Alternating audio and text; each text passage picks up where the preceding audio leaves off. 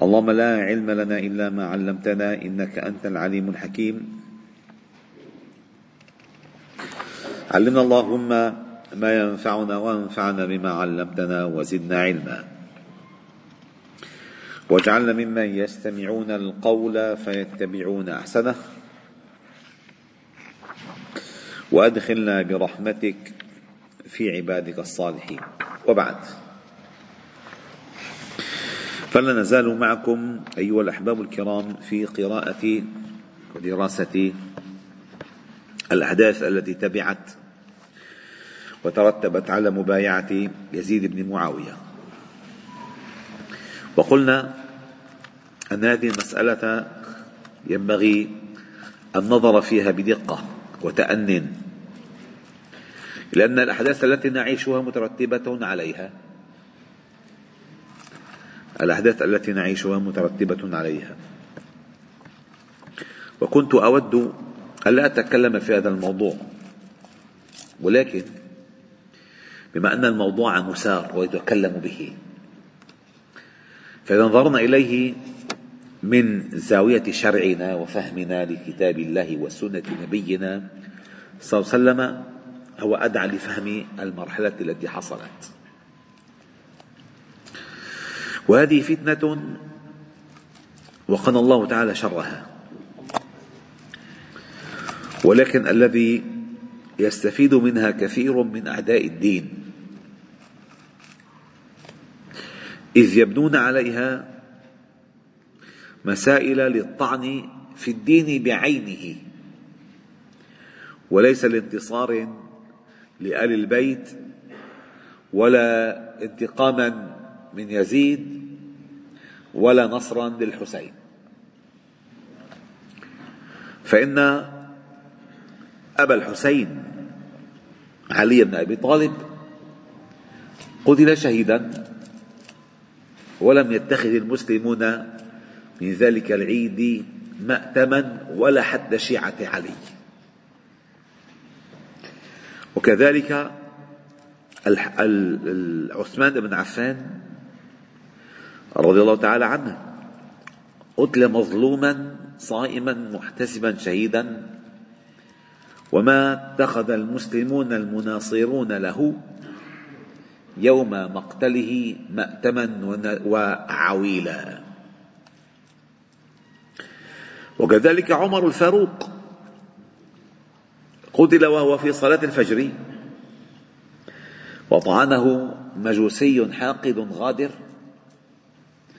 وما اتخذ المسلمون لمقتله مأتما ولا نحيبا ولا عويلا.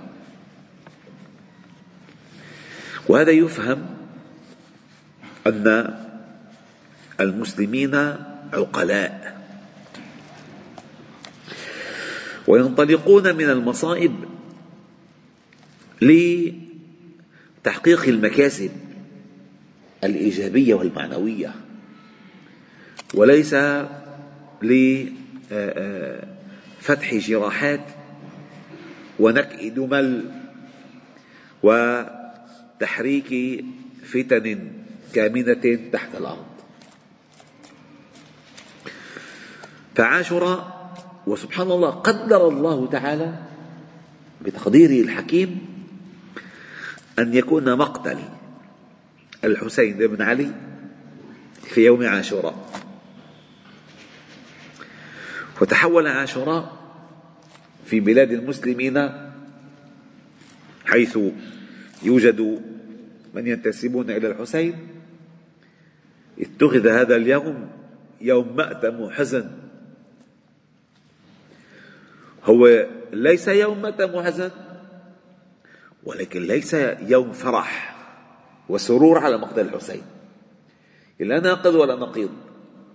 لا إفراط ولا تفريط. هو يوم من أيام الله نصر الله تعالى فيه موسى على فرعون فأغرقه في اليم. فعندما أتى النبي صلى الله عليه وسلم المدينة وجد يهود يصومون.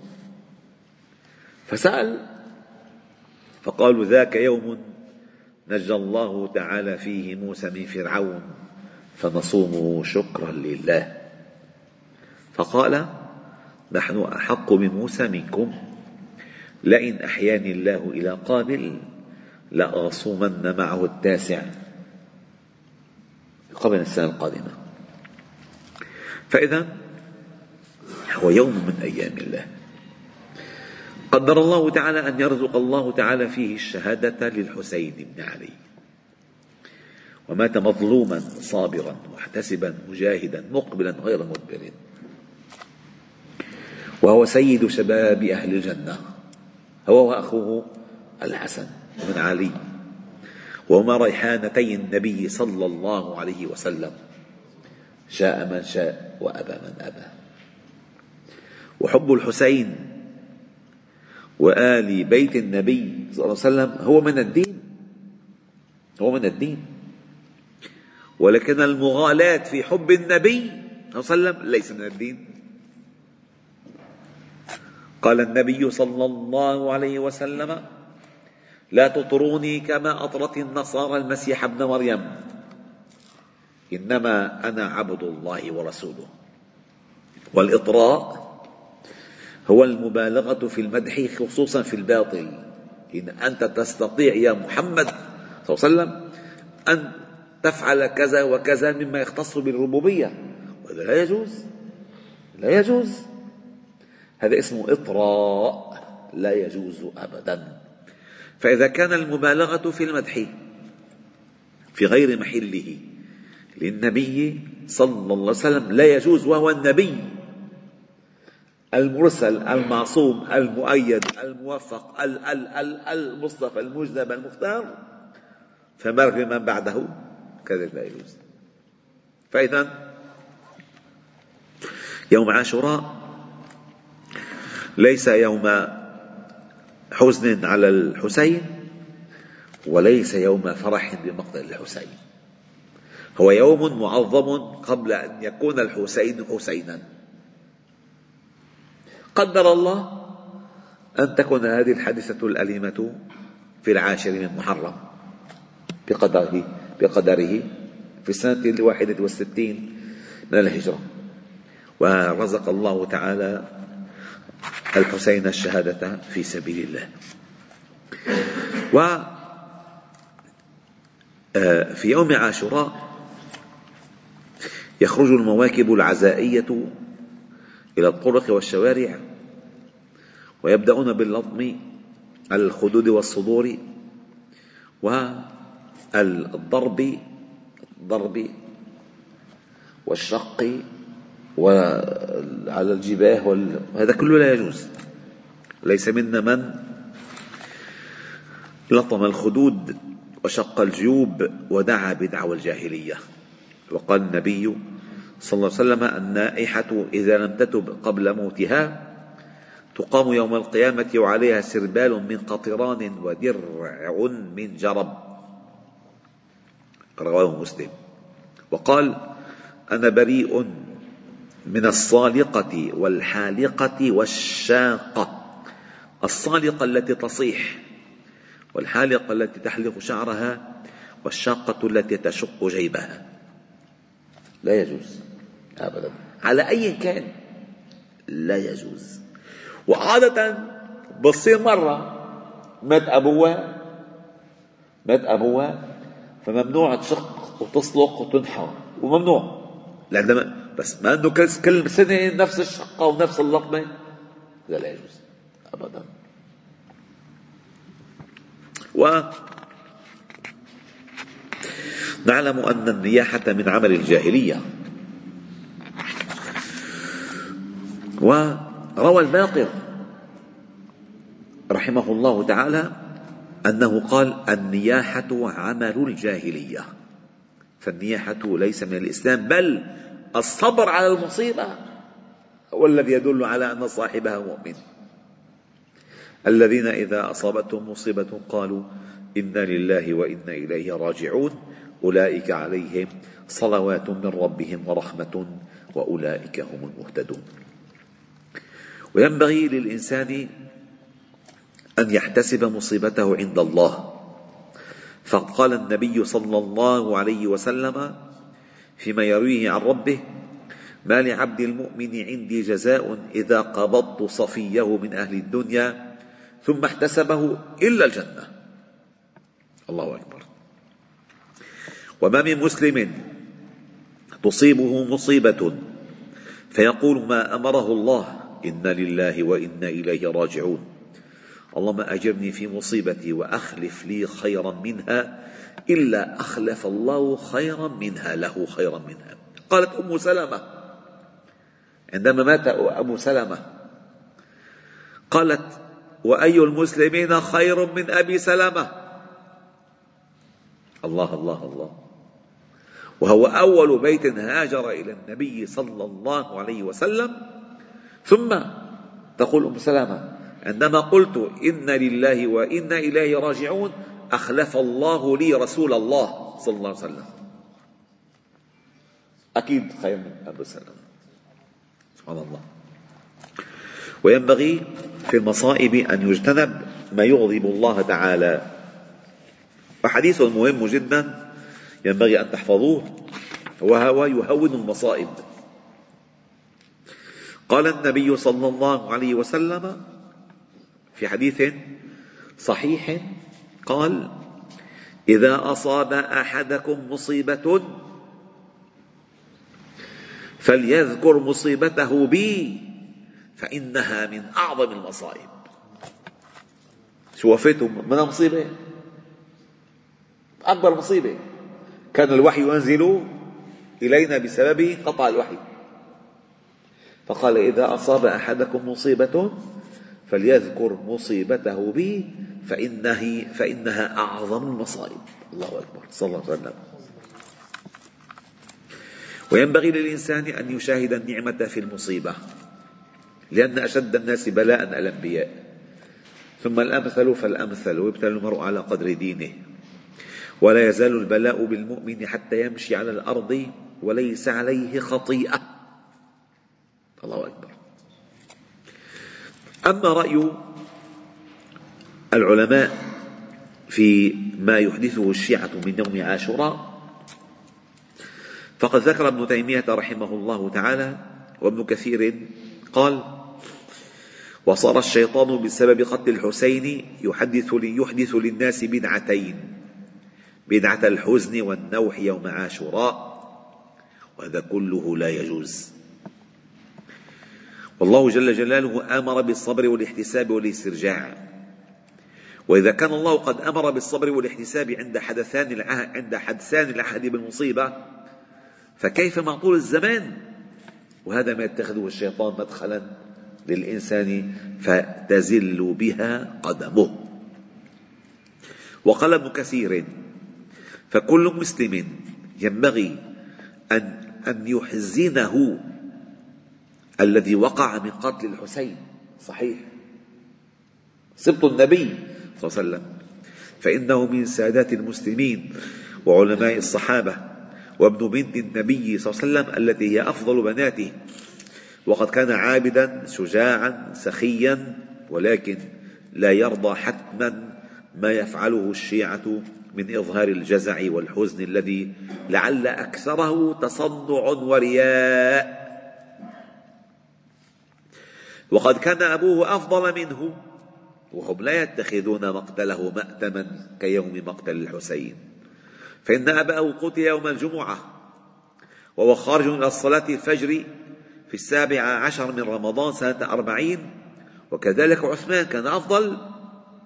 وقد قتل وهو محصور في داره أيام التشريق وقد ذبح من الوريد إلى الوريد ولم يتخذ المسلمون يوم مقتله مأتما. وكذلك عمر بن الخطاب وهو أفضل من عثمان وعلي. شاء من شاء وأبى من أبى. قتل وهو قائم يصلي في المحراب في صلاة الفجر يقرأ القرآن ولم يتخذ المسلمون يوم مقتله مأتما وكذلك الصديق كان أفضل منه جميعا. ولم يتخذ المسلمون يوم يوم موته مأتما والنبي وسلم هو سيد ولد بني آدم ولا فخر. ولم يتخذ المسلمون يوم وفاته مأتما. فالمؤمن ما عنده هالمسألة.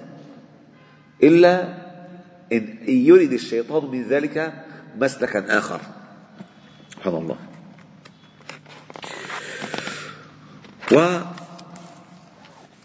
وكذلك لا يتخذ لا يجوز أن يتخذ يوم عاشوراء عيدا. كما يفعله النواصب والنواصب فرقة ضالة تعادي أهل البيت وتعادي عليا تناصب عليا العداء وأغلبهم من الخوارج. يفرحون ينبسطوا لا يجوز. لذلك ذلك يجيبوا نحن نواصب. أعوذ بالله. أنا نواصب. أعوذ بالله. و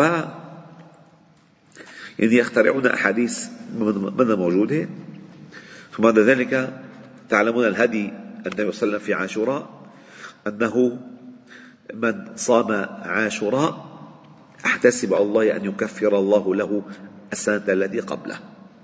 هذا الأصل. هذا الأصل. أما أين رأس الحسين؟ هل رأس الحسين قطع. هل رأس الحسين دفن بالشام؟ دمشق يعني مثلا؟ أم بالكوفة؟ أم في مصر؟ أين دفن رأس الحسين؟ أم في كربلاء؟ أين دفن؟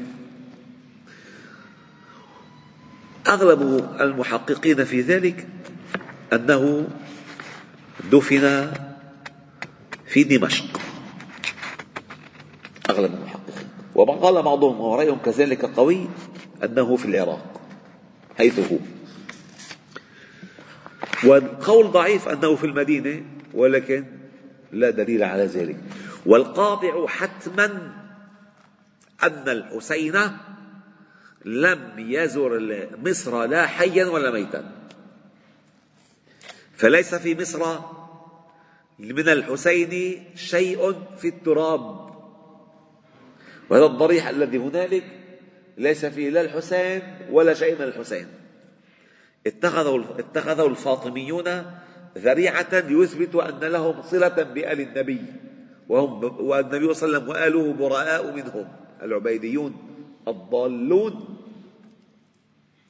فلا وقد حقق مؤرخ أزهري فحل في التحقيق أن في موضع قبر الحسين هناك جثة لواحد عادي ما دخلهم فيها لا هيك ولكن اخترعوا هذا اليوم حتى يثبتوا أن وسموا نفسهم فاطميون. ليش نسب الفاطمة؟ ما دخل فاطمة فيها. من عبيديون. كانوا من أفجر الناس. سبحان الله. وهذا غير الشيعة. وأما بعد ذلك ما يضفى على كربلاء من القدسية فهذا كذب لا حقيقة له. فنحن ما عندنا عتبات مقدسة إلا في الكعبة وفي المسجد النبوي صلى الله عليه وسلم وفي بيت المقدس وبس. ما عندنا عتبات مقدسة ولا عندنا زيارات لعتبات مقدسة. ما عندنا حج. رايح يحجوا هذا. هذه كلها ليه؟ للتحريف. وتغيير أصول الدين. والنبي صلى الله عليه وسلم أولا آه، آه، كان نهى عن زيارة القبور ثم قال ألا كنت نهيتكم عن زيارة القبور؟ ألا فزوروها فإنها تذكر بالآخرة. فالقبور زيارة مشان الآخرة ما مشان نتذكر الأحداث. فهمتوا كيف؟ مش نتذكر بالآخرة. ولا يجوز أن يتخذ على القبور أبنية ومساجد. أبدا. أما ما ذكرت لكم سابقا بوجه سريع. كيف نزين خروج الحسين بالنظرة الشرعية؟ هل هو أخطأ أم أصاب؟ أخطأ أم أصاب؟ أصاب وأخطأ. ولكن يزيد حتما أخطأ. ليش أصاب وأخطأ؟ لأنه عندما خرج كان معه أدلة على أن أهل الكوفة يريدونه. ولكن عندما عرض عليه عبيد الله بن زياد أن يسلم نفسه حكما له فما لا فما كان لرجل من آل النبي صلى الله عليه وسلم أن يسلم نفسه لحكم رجل دعي. هذا الذي أوجب القتال. أما هو أصاب وأخطأ. مع بعض أما يزيد أخطأ ولم يصب. أبدا. وما يذكر من الأمور يلي كيف كذا وكذا. ما دخلنا فيه بشوفوا أنتم بكتب شو اسمه. ولكن كما ذكر أئمتنا أن الله انتقم للحسين من قاتليه واحدا واحدا وعلى رأسهم. عبيد الله بن زياد ويزيد بن معاوية وكل من شارك في قتله لم يسلم. أما عبيد بن زياد فقد قتله إبراهيم بن الأشتر وحز رأسه وأرسله إلى المختار بن أبي عبد الله الثقفي. ما في. كما تدين تدين ومن لم يقتل منهم أصيب بالجنون. كل من شارك في قتل الحسين إما قطعت رأسه وإما أصيب بالجنون. انتقم الله تعالى منهم. مكان والحمد لله رب العالمين. سبحانه وبحمدك نشهد أن لا إله إلا أنت نستغفر إليك صل وسلم وبارك على محمد وعلى آله وأصحابه أجمعين والحمد لله رب العالمين.